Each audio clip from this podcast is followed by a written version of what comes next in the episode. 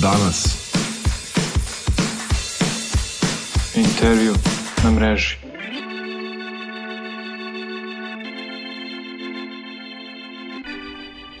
Dobar dan i dobrodošli u još jedan intervju na mreži. Ja sam Aleksandra Popović, novinarka Lista Danas, a sa nama je Hristina Piskulidis, menadžerka za komunikacije nevladine organizacije Astra, koja se bavi trgovinom ljudima i eksploatacijom.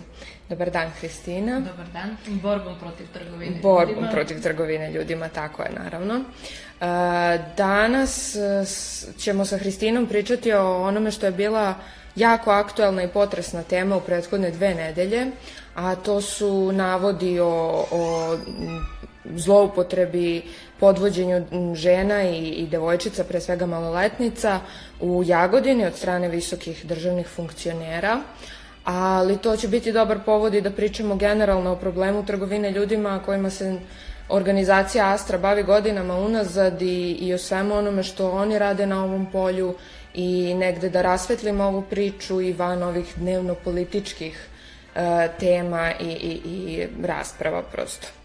Tako da, eto, Hristina, za početak bih htela da vas pitam u vezi celog ovog slučaja, znam da ste ispratili sve, Um, neka poslednja informacija koju, koju imamo jeste da slučaj vodi tužilaštvo u Kraljevu, da je ono preuzelo od tužilaštva u Jagodini. Da li vi mislite da je ovo dobar potez? Pa u principu mislim kako bi trebalo da postupaju institucije? I to prvo izmeštanje iz višeg javnog tužilaštva u više javno tužilaštvo u Kraljevu je dobar potez, ali s obzirom na to da ukoliko su navodi svedoka tačni i ukoliko je to krivično delo koje se odigra- odigravalo godinama i u koji su uključeni brojni akteri, ono stvarno ima odlike organizovanog kriminala. S druge strane, trgovina ljudima se i e, klasifikaciji spada u, u, organizovani kriminal. E sad, imajući u obzir e, a, da su potencijalni, ne mora da znači trgovci, ali ljudi koji su bili svedoci ili učesnici tih događaja na kojima su se ponovo kažem, ukoliko su navodi tačni, podvodili, podvodile devojčice i, devoj, e, devojčice i žene, onda to delo spada u organizovani kriminal i po našem mišljenju njime bi trebalo da se bavi tužilaštvo specijalizovano za organizovani kriminal ovde u Beogradu. Da li ste možda vi ili da li znate da li je neko od ljudi koji se bave javno ovom temom pokušao da kontaktira tužilaštvo za organizovani kriminal, da se Pa, vidi u principu, da, mislim, koji je uopšte način da oni preuzmu nadležnost? Da li im to mora da im uputi tužilaštvo u Kraljevu ili... Uh, Pa tu opet se svodimo na republički nivo, odnosno sve, ukoliko sama tužilaštva ne reaguju, onda je uh, ovaj, završna reč republičkog javnog trž- tužilaštva, odnosno njihova reakcija je neophodna da bi se izmestilo delo u specijalizovano tužilaštvo za organizovani kriminal. Što znači da bismo negde trebali da očekujemo i reakciju državne tužiteljke Tako Zagorke. Dolovac, Tako ali nismo baš videli. Pa nismo, mislim, za sada je Nikakvu ono reakciju, tiha, da. mislim i tiha je sve vreme od kada je pokrenut ovaj slučaj, a to je već više od nedelju dana.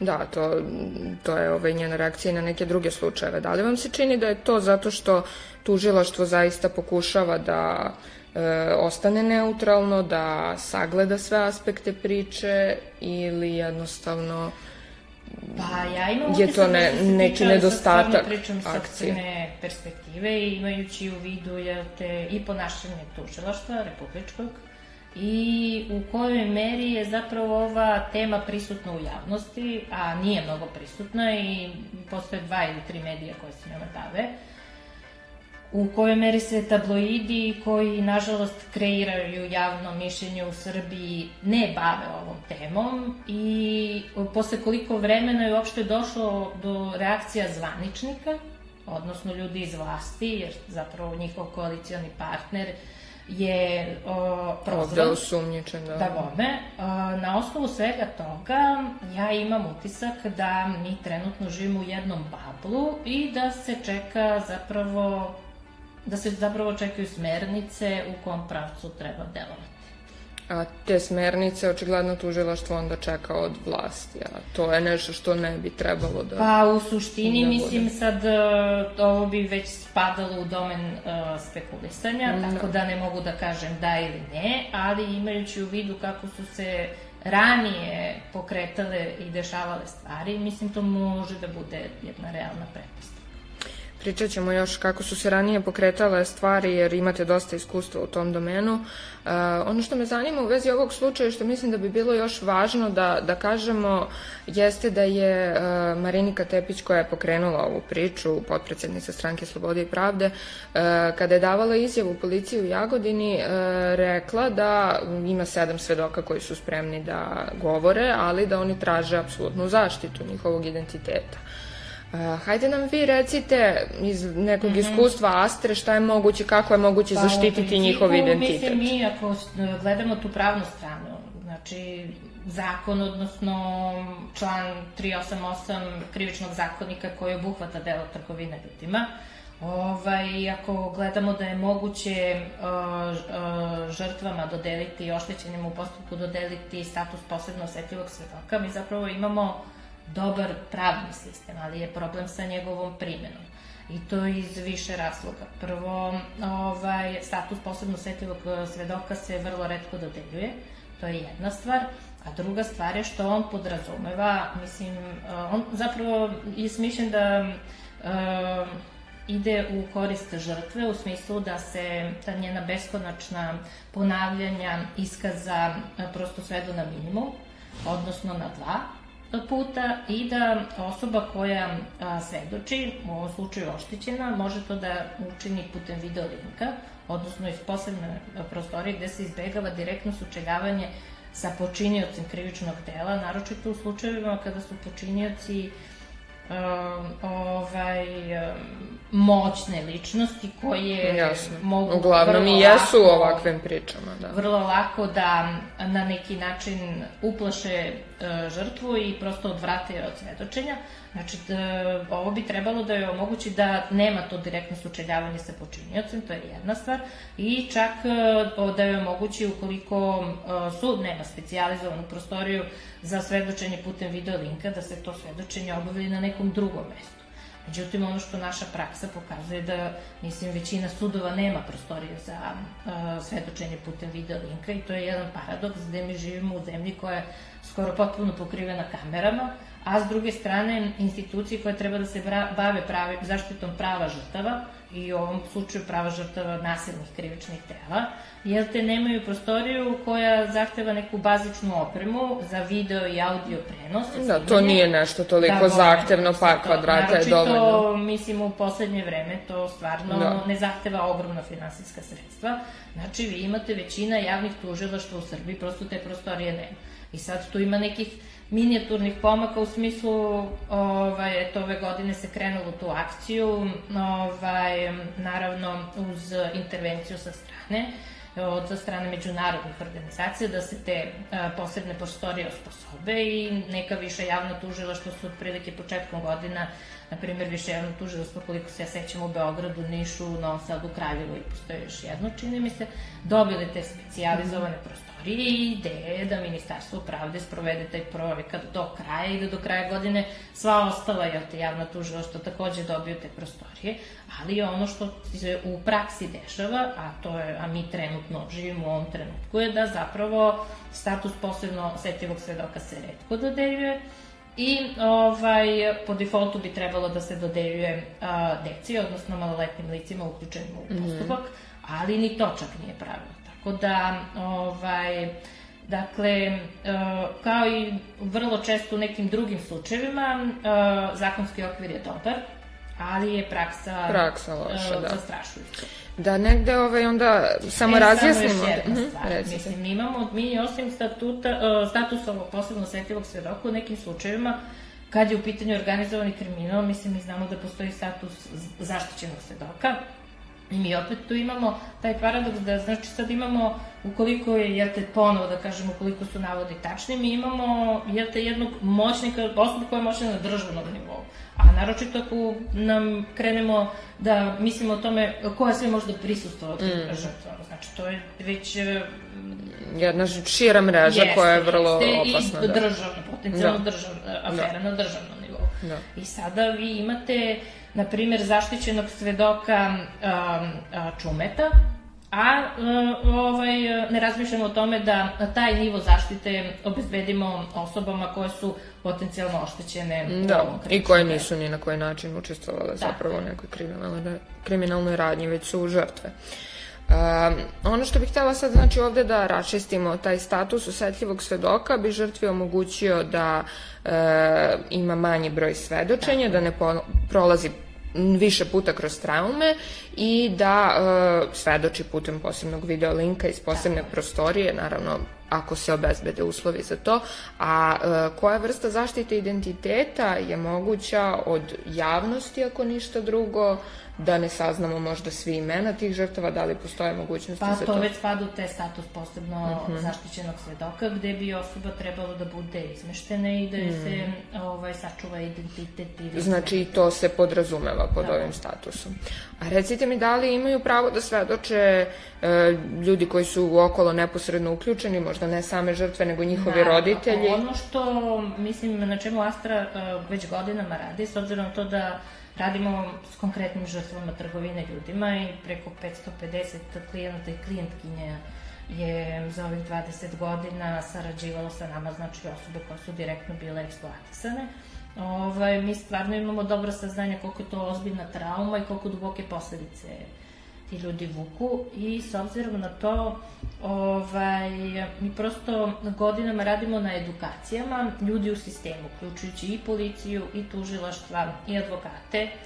Ovaj, I ovom prilikom, to smo pomenuli u onom našem prvom apelu javnosti, mi bismo stvarno insistirale ukoliko možemo na tome da se radi proaktivna istraga, a ona podrazumeva da se ovaj, na temelji istraživanje tih ljudi koji su indirektno bili mm -hmm. o, ovaj, uključeni, odnosno njihova svedočenja u određena zbivanja i ispitivanje na licu mesta, znači da se istraga ne, zahtev, ne zastavlja isključivo na svedočenjima oštećenih, jer kao što sam rekla, to je stvarno ozbiljna trauma koja ostavlja ozbiljne posledice, imajući u vidu na koji način javnost reaguje, čak i kad nisu ovako velike slučajevi u pitanju, i koju vrstu stigmatizacije osoba može da trpi, naročito ako je bila seksualno eksploatisana, što se vrlo često meša i sa prostitucijom i te osobe vrlo često bivaju uh,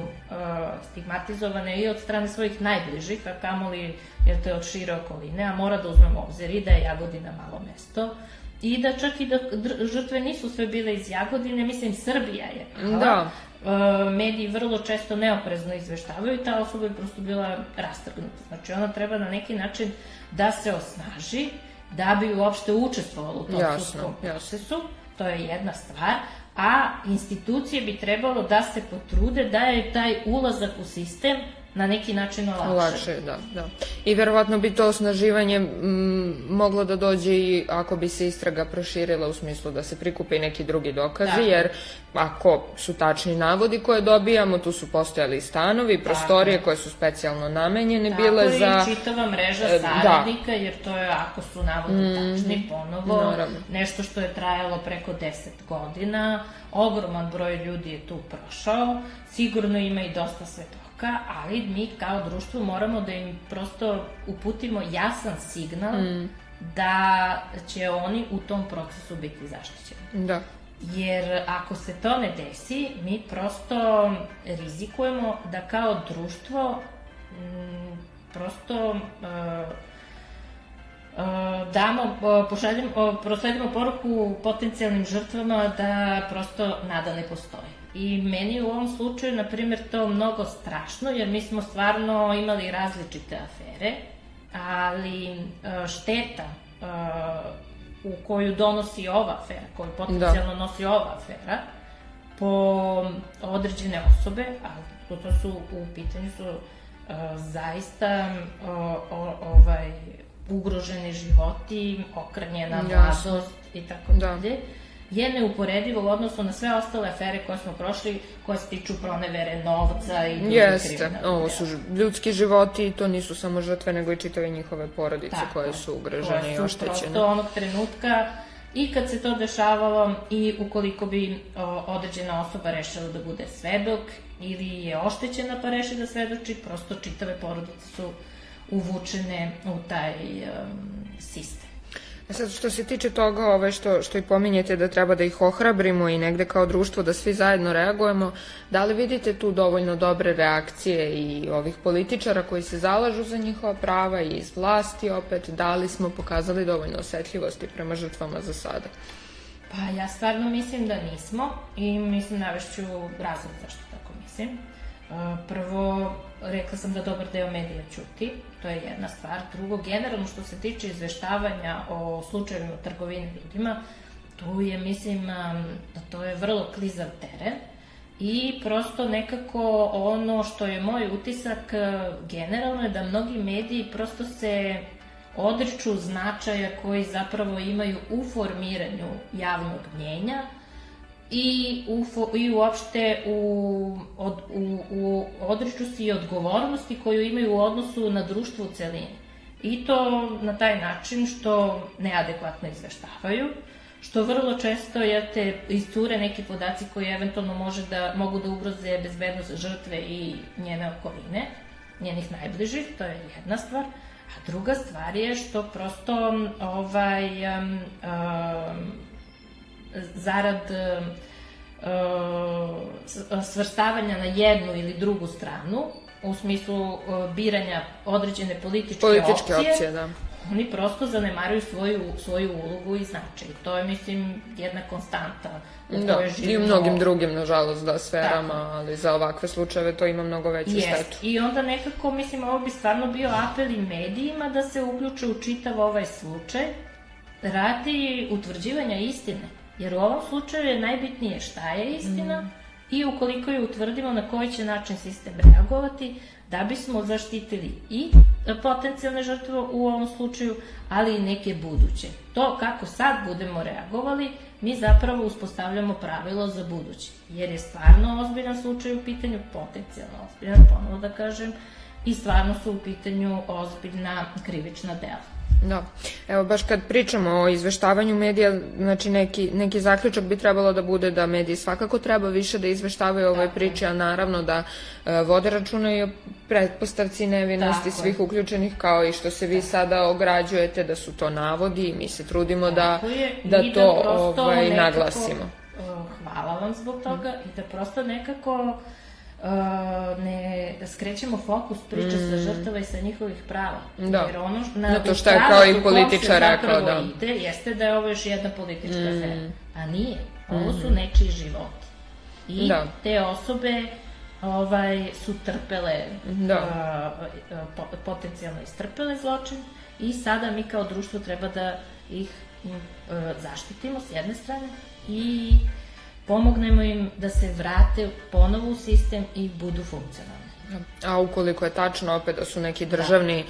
zvaničnici uključeni u to, tim je priča strašnija Tako i zato je, je važno onda, da, mislim, da i pristupimo vidimo, na pravi način. Izvini što sam te prekinula. Ništa. Ako vidimo, mislim, to je način da se o, ovaj predsednik Vučić obratio javnosti tek posle nekoliko dana i da je njegova izjava, o, verovatno svi znamo, da ukoliko je tačno je jezivo, ukoliko su navodi tačnije jezivo, ukoliko nisu tačni još jezivije, je prosto, mislim, bila zapanjujuća, s obzirom na to o kom krivičnom delu se potencijalno radi, znači radi se o tome da je neko možda podvodio devojčice, a mi pričamo da je, u, ukoliko je to neistina, da je to još, još, još jezivije. da. Ne postoji jezivije, verovatno. Verovatno. Da. Tako da ta gradacija koju je on upotrebio je meni potpuno ovaj, neshvatljiva. I možda i neprimerena prema žrtvama. Apsolutno.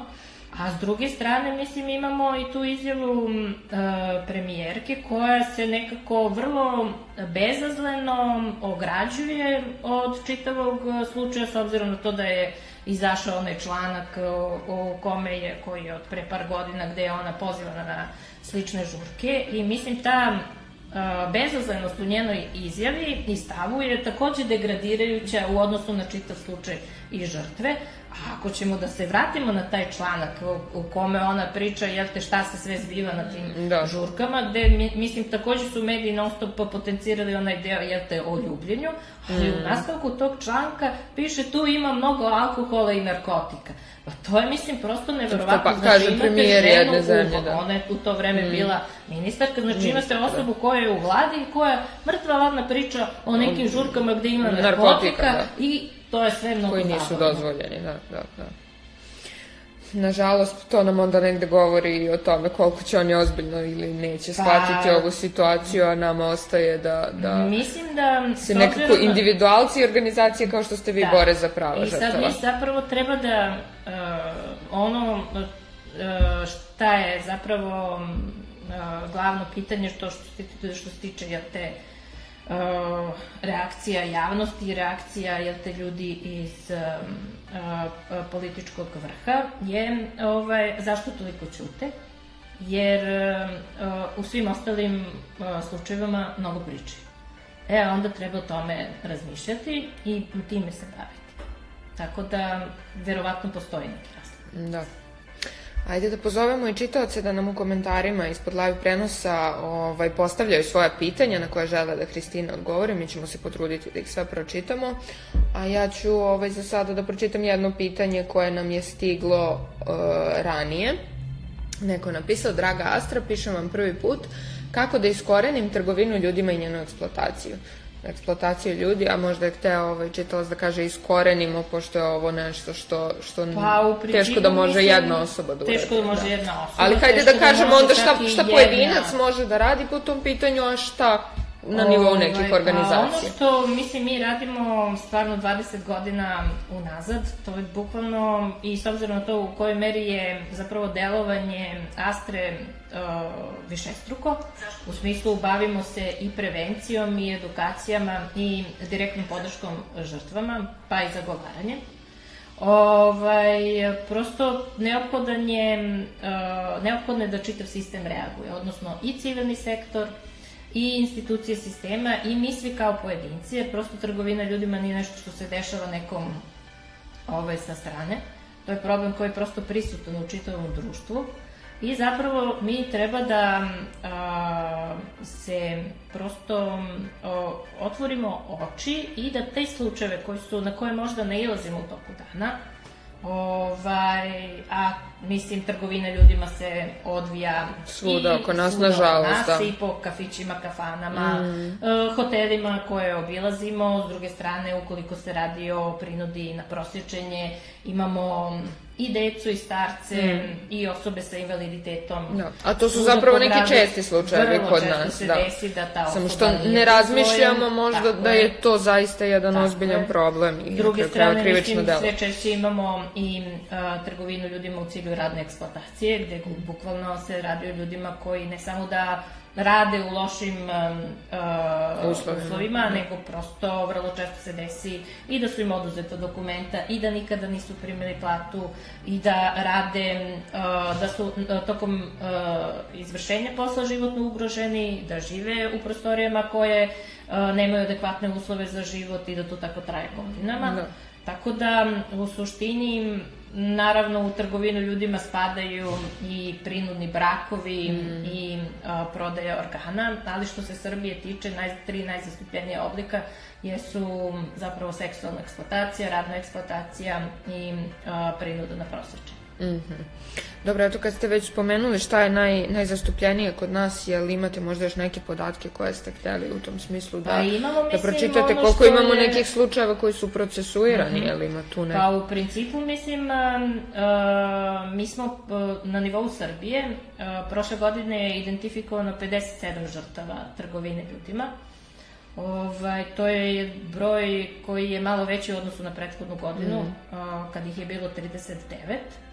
E sad ono što je zabrinjavajuće, to je ta crna brojka, odnosno siva, izvinite, brojka mm. i to je brojka koja se često nalazi u izveštajima međunarodnih organizacija, na primjer u izveštaju specijalizovanog odeljenja Ujedinjenih nacija za drogu i organizovani kriminal, gde se zapravo navodi na osnovu analiza da je u Srbiji realan broj žrtava 10 puta veći. Da, E, sad u stvari problem je što malo njih to prijavi, tako, da mi Tako znamo je. samo za one koji su zvanično je zavedeni. takođe ovaj slučaj veoma bitan. Mm. Jer što je slučaj teži, važnija je poruka koju šaljemo javnosti.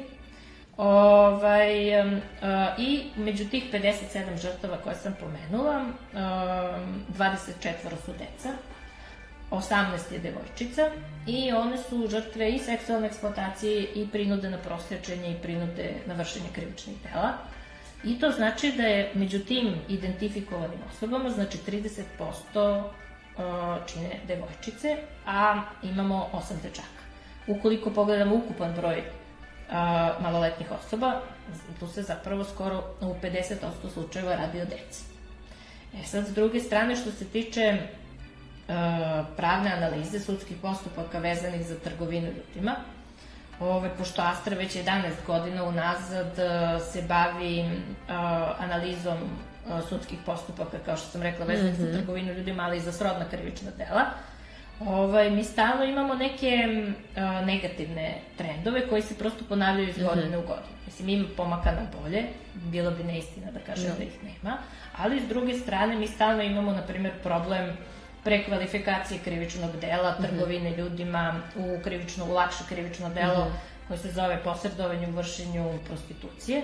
I šta se tu u stvari dešava? To se najčešće radi zbog toga što sudski procesi predugo traju, što vrlo često... Teško je možda dokazati, pa onda idu na ono što je dokazati. lakše pa, to, dokazati. drugo što prosto um, optuženi, odnosno advokati optuženih vrlo često namerno odugovlače proces zbog toga što se zna šta može da Mm. se desi na kraju, a i zbog toga što vrlo često ukoliko je proces previše zahtevan, sama žrtva može da se m, povuče iz njega, odnosno oštećena. Da. Ovaj, I onda e, radi ubrzanja procesa, smanjenja troškova, e, dolazi do prekvalifikacije krivičnog dela u posredovanju u vršenju prostitucije, a na osnovu te prekvalifikacije oštećeni najčešće onda, jel te, potpiše sporazum o priznanju krivice i onda se desi da ljudi koji su kri, kri, e, činili ozbiljna krivična dela prosto budu um, malo kažnjeni. Da, Jer, jako primjer, brzo oslobođeni ponovo. Da, poslednja analiza, najviša kazna za krivično delo posredovanje u vršenju prostitucije, najviša kazna je bila godinu i šest meseci. Mm. Ove, što je, mislim... Da, verovatno za neku mogućnosti uslovnog izlaska na slobodu. Tako je. Da. A od oštećene koja je znači bila žrtva trgovine ljudima, vi zapravo ovaj, ona je, s obzirom da se radi o krivičnom delu posredovanja u vršenju prostitucije, znači da je ona dobrovoljno pristala i da je dobrovoljno učestvovala u tome. I onda joj se prosto oduzima status žrtve i sva ona prava koje žrtva posjeda. E sad bi trebalo da kažem zato što je to bitno i za žrtve koje potencijalne žrtve u ovom delu, a i generalno za žrtve na trgovine ljudima uopšte. To je nešto čime se Astra bavi, a i generalno e, ono što je propisano zakonom. Dakle, sve potencijalne žrtve trgovine ljudima po zakonu, bez obzira na to da li se na kraju one ide- identifikuju kao prave žrtve ili kao žrtve nekih drugih krivičnih Da. dela. Znači one u startu imaju pravo na besplatnu medicinsku pomoć, besplatnu pomoć psihologa, pravnu podršku, ukoliko su stranog porekla imaju pravo na prevodioca, takođe besplatnog, imaju pravo na period refleksije i odmora, I e, ovaj, ukoliko je neophodno i ukoliko nemaju gde da se vrate, treba im obezbediti siguran alternativni smeštaj. Ono što... To sve država treba da im obezbedi. a, Postoje mehanizmi tako je, za to. I jel? postoje specijalizovane organizacije. Mi nemamo svoje sklonište, ali sve ovo ostalo radimo. Mhm. I prosto uh, sa nekim žrtvama smo u kontaktu godinama, od onog trenutka kad se jave do onog trenutka dok uh, prosto ne dođe do te neke reintegracije u smislu Da, ona da oni više ne osjećaju potrebu za- jeste, za podrškom. Ali bukvalno a, ti procesi traju godinama i vrlo se lako desi da u samom sistemu usled kontakta sa nekim osobama od kojih im nešto zavisi, a, to, a, ni, a desi se da te osobe nisu senzibilisane za traumu koju je žrtva trgovine preživela, vrlo često se desi da su to trigerujući susreti koji po dodatno i stigmatizuju i sekundarno uh, vikti... viktimizuju. Tako je, Mhm. ž- žrtvu i onda Žrtvu, da. prosto nekako uh, taj proces uh, je, se usporava ona, Da. i onda se ona vraća u jedno stanje iz koga ponovo treba da se Mhm. uh, bori da bi uh, se uh, izašla Da. nazad. E sad, e, takođe je bitno što se ovog slučaja tiče i svih tih pomoći koje su potencijalnim žrtvama na raspolaganju, oni su im na raspolaganju bez obzira na to da li će a, davati iskaz policiji i da li će pok- pokrenuti. Znači, obaveza učestvovanja u istražnom i u krivičnom postupku ne postoji. Ne postoji, da. One I mogu da se jave i da zauvek ostanu, da kažemo, i anonimne Da. i da ne učestvuju, ali je bitno da, da dobiju makar neku Jeste. pomoć i da mogu Ali- negde u sigurnom Tako. okruženju da ispričaju svoju priču. Tako je, tako da ponekad im je to ta vrsta zapravo podrške Mhm. Najbitnija, u smislu razgovora sa psihologom Mhm. ili konsultantkinjom SOS telefona ili e, kasnije ukoliko ima bilo koje vrste e, šta ja znam potrebe za m, Neku možda dodatnom medicinskom edukacijom negom, da. ili medicinskom negom, prosto to je sve moguće, realno i mislim mi to sve radi. Da. To je dobro negde ovde i, i naglasiti, jer čuli smo dosta nekih stvari o, o tome kako u realnosti funkcioniše ovaj proces koje možda mogu biti i obeshrabrujuće za žrtve, ali uh, važno je da, da one znaju da ipak imaju neku, neku ovaj podršku. Uh, ja ću eto pogledati da li imamo još nešto od pitanja. Neko kaže šta je sa trgovinom dece i beba koji, koja je i najveći problem. Trgovina bebama traje 50 godina, time se ne bavite. Dobro, postoje i druge organizacije koje se, Tako koje je, se bave mislim- opet time. Mi imamo liniju, SS liniju Mhm. 116000 koja je za prijavljivanje nestanaka dece i tu ima slučajeva koji su vezani za prijavu nestanaka uh, beba, ovaj, ali u suštini mnogo veći posao rade udruženja roditelja uh, nestalih beba. Onda zajedno sa Jukomom i Uzusom takođe smo u toj mreži koja se bavi nadgledanjem sprovođenja sudskih odluka uh, Evropskog suda za ljudska prava. Ovaj, I sad, uh, mislim, taj problem je uvek aktuelan. Ono što je bitno kod nas trenutno je da smo prošle godine dobili novi zakon koji treba da. da, uspostavi mehanizam Da. za rešavanje tih slučajeva, jer sad treba intenzivno sprovođenje istraga, sprovođenje, uh, tog zakona, odnosno šta se zapravo dešava u praksi. Da, da. Dobro, to je već ovaj neka druga tema koju ćemo i drugom prilikom obrađivati. Uh, iz dosadašnje prakse Astra izdvojila bih i, i tu presudu Ustavnog suda od 4. marta ove godine, uh, koja je presuda po, po žalbi jedne uh, vaše štićenice. E, presuda se odnosi na e, to da je na kraju ovaj Ustavni sud odlučio da je u njenom slučaju povređeno pravo na zabranu trgovine ljudima je. i zašto je to značajno generalno za naš neki pravni sistem i praksu, a i možda i za ovaj slučaj konkretno koliko je Pa, značajno je iz više razloga, znači zbog toga što zapravo Ustavni sud vrlo redko donosi Mhm. takve odluke. I ovde je prosto ukazano da i više javno tužilaštvo u Beogradu i viši sud prosto mogu da u ovim slučajevima e, pogreše i da osoba koja se osjeća oštećeno može da podnese žalbu i da očekuje da ona bude pozitivno rešena. Znači, osnažujuće je za žrtve s jedne strane, a s druge strane je i ovaj, e, neka vrsta pa ne opomene, ali sugestije e, donosiocima odluka kada e, imaju slične slučajeve na svom stolu. Da, jednostavno da imaju neku praksu na, na Tako, koju mogu da ono se što je ugledaju. bitno iz perspektive trenutne situacije i o, potencijalnog e, slučaja trgovine ljudima koji se Da, ove, događaju navoda o Jagode- da, u Jagodini. U Jagodini. Bitno je zato što takođe imamo e, slučaje zapravo u pitanju je osoba koja je u vreme izvršenja krivičnog dela bila maloletna. Mhm.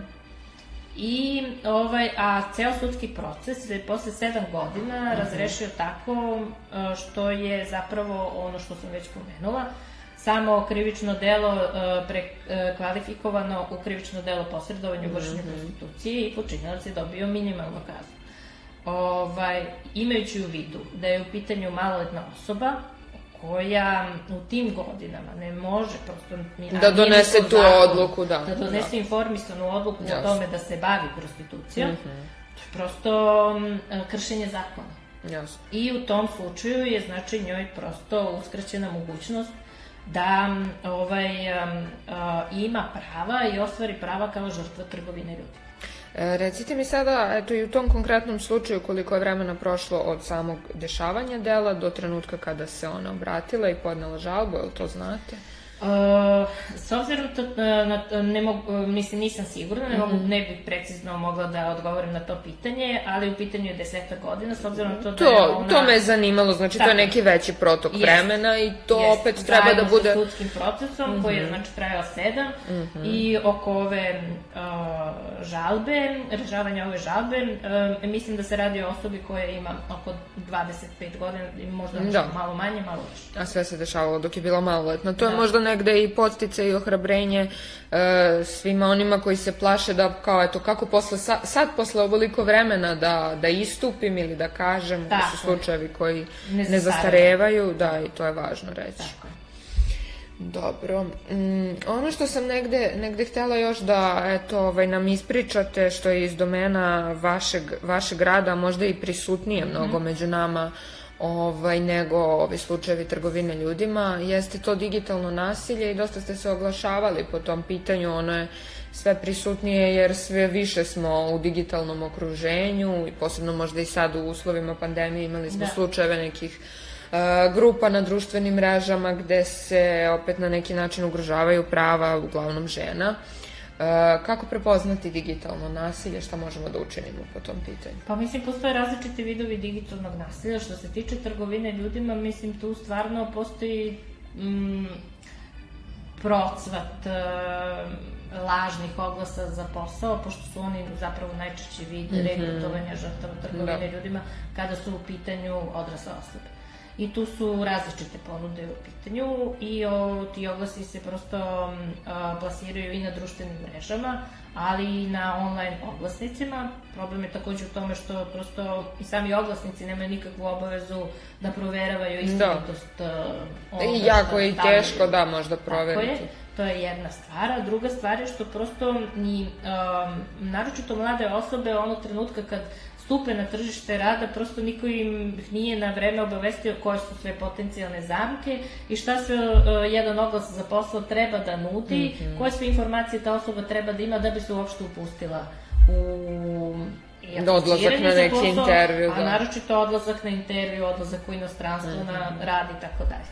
E sad, mislim, Astra radi i informisanje u tom smislu, mm -hmm. tako mhm. da i uh, radimo i proveru poslovnih i oglasa i poslovnih -hmm. ponuda.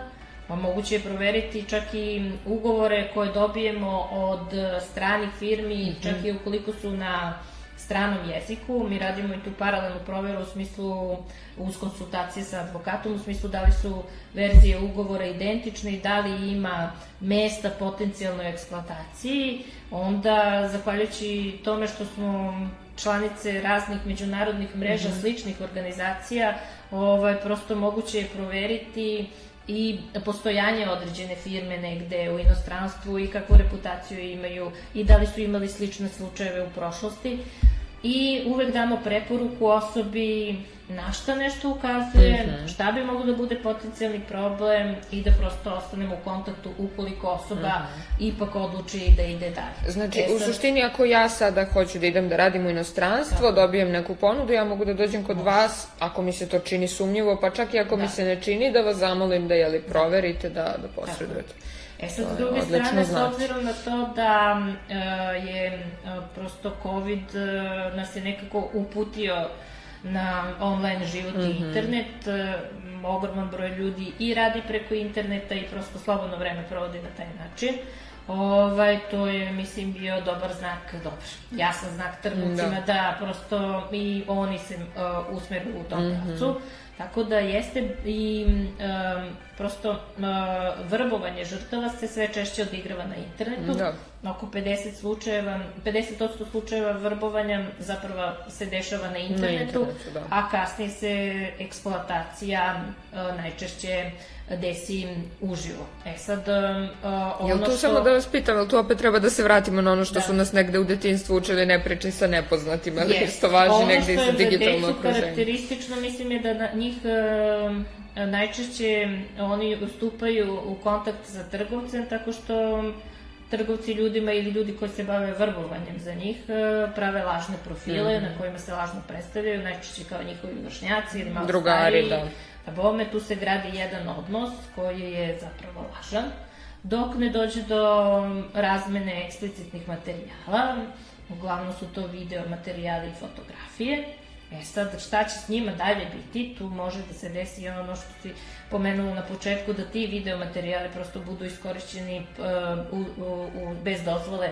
te mm -hmm. osobe, koliko je u pitanju maloletna osoba, to je automatski i krivično delo. Mm. Krivično delo je i za odraslu osobu, mm. ali ukoliko je maloletna osoba, onda je već i ozbiljnije da, krivično da, delo. A s druge strane, ovaj, um, uh, može da se desi da zbog tih postojećih eksplicitnih materijala osoba bude uslovljena da u realnom životu mm -hmm. radi nešto što inače ne bi radila, jer tu onda krenu ucene. Ucene različitih su, vidova, da. Da, da. I sad ranije su za je zapravo uslovljavanje i ucenjivanje vrlo često bilo i fizičkim kaznama, mm -hmm. a mhm. od kad postoje društvene mreže i ovaj, od, e, priliv različitih tih e, materijala koji imaju ovaj, um, koji su intimni mm -hmm. uh, da, pečat, eksplicitnog sadržaja, da. Eksplicitan sadržaj, onda se vrlo često desi da prosto uh, sila nije potrebna,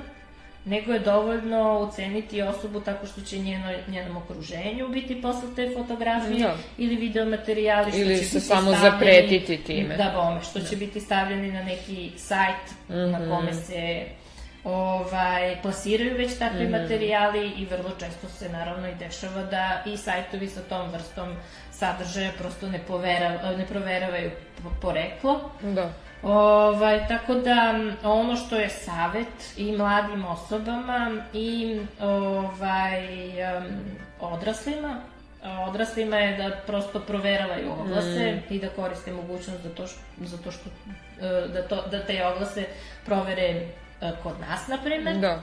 A za roditelje da prosto održavaju blizak kontakt sa decom, jer je potpuna kontrola nemoguća. Da, ali, ali da budu upućeni da šta deca dete, prate, da, s kim komuniciraju. Tako je, da bi imalo dovoljno i poverenja da u onom trenutku ako mu se dešava nešto neobično mm -hmm. na mhm. internetu, da to prosto Prijavi, bez da. straha da. i kaže. Da.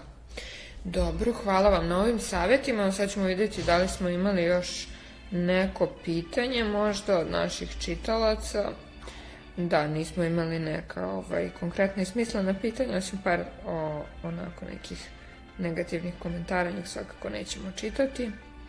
Je li imate vi još nešto što biste hteli da naglasite, možda da je važno u vezi sa svim ovim što smo pričali? Pa s obzirom na to da imamo ovaj aktualni slučaj, ja bih stvarno mhm. iskoristila mm. priliku da još jednom pozovem potencijalne žrtve, imajući u vidu da ni na koji način nisu uslovljene da učestvuju u istražnom i sudskom postupku, osim ako one ne osete da su dovoljno osnažene Spremne da to, za to da. Mm -hmm. učine. Znači da ih pozovem da nam se jave. Mi imamo na raspolaganju i e, tim advokata i tim psihologa i sarađujemo sa medicinskim institucijama mm -hmm. i ovaj i šta god od potencijalnih vrsta pomoći da im je neophodno, ovaj, stojimo im na usluzi. Broj telefona je 011 785 0000, mogu nam se javiti e-mailom sos.astra.rs. U svemu ovome može se naći i na našem sajtu i na našim mrežama. Hvala vam puno i ja se nadam da će bilo ko, ne i samo iz slučaja u Jagodini, ali ako je iko nažalost imao ovakvu vrstu problema da se javi i da dobije neophodnu pomoć. Hvala vam. To je bilo to. Pratite nas i sledeće nedelje u intervju na mreži. Danas. Intervju na mreži.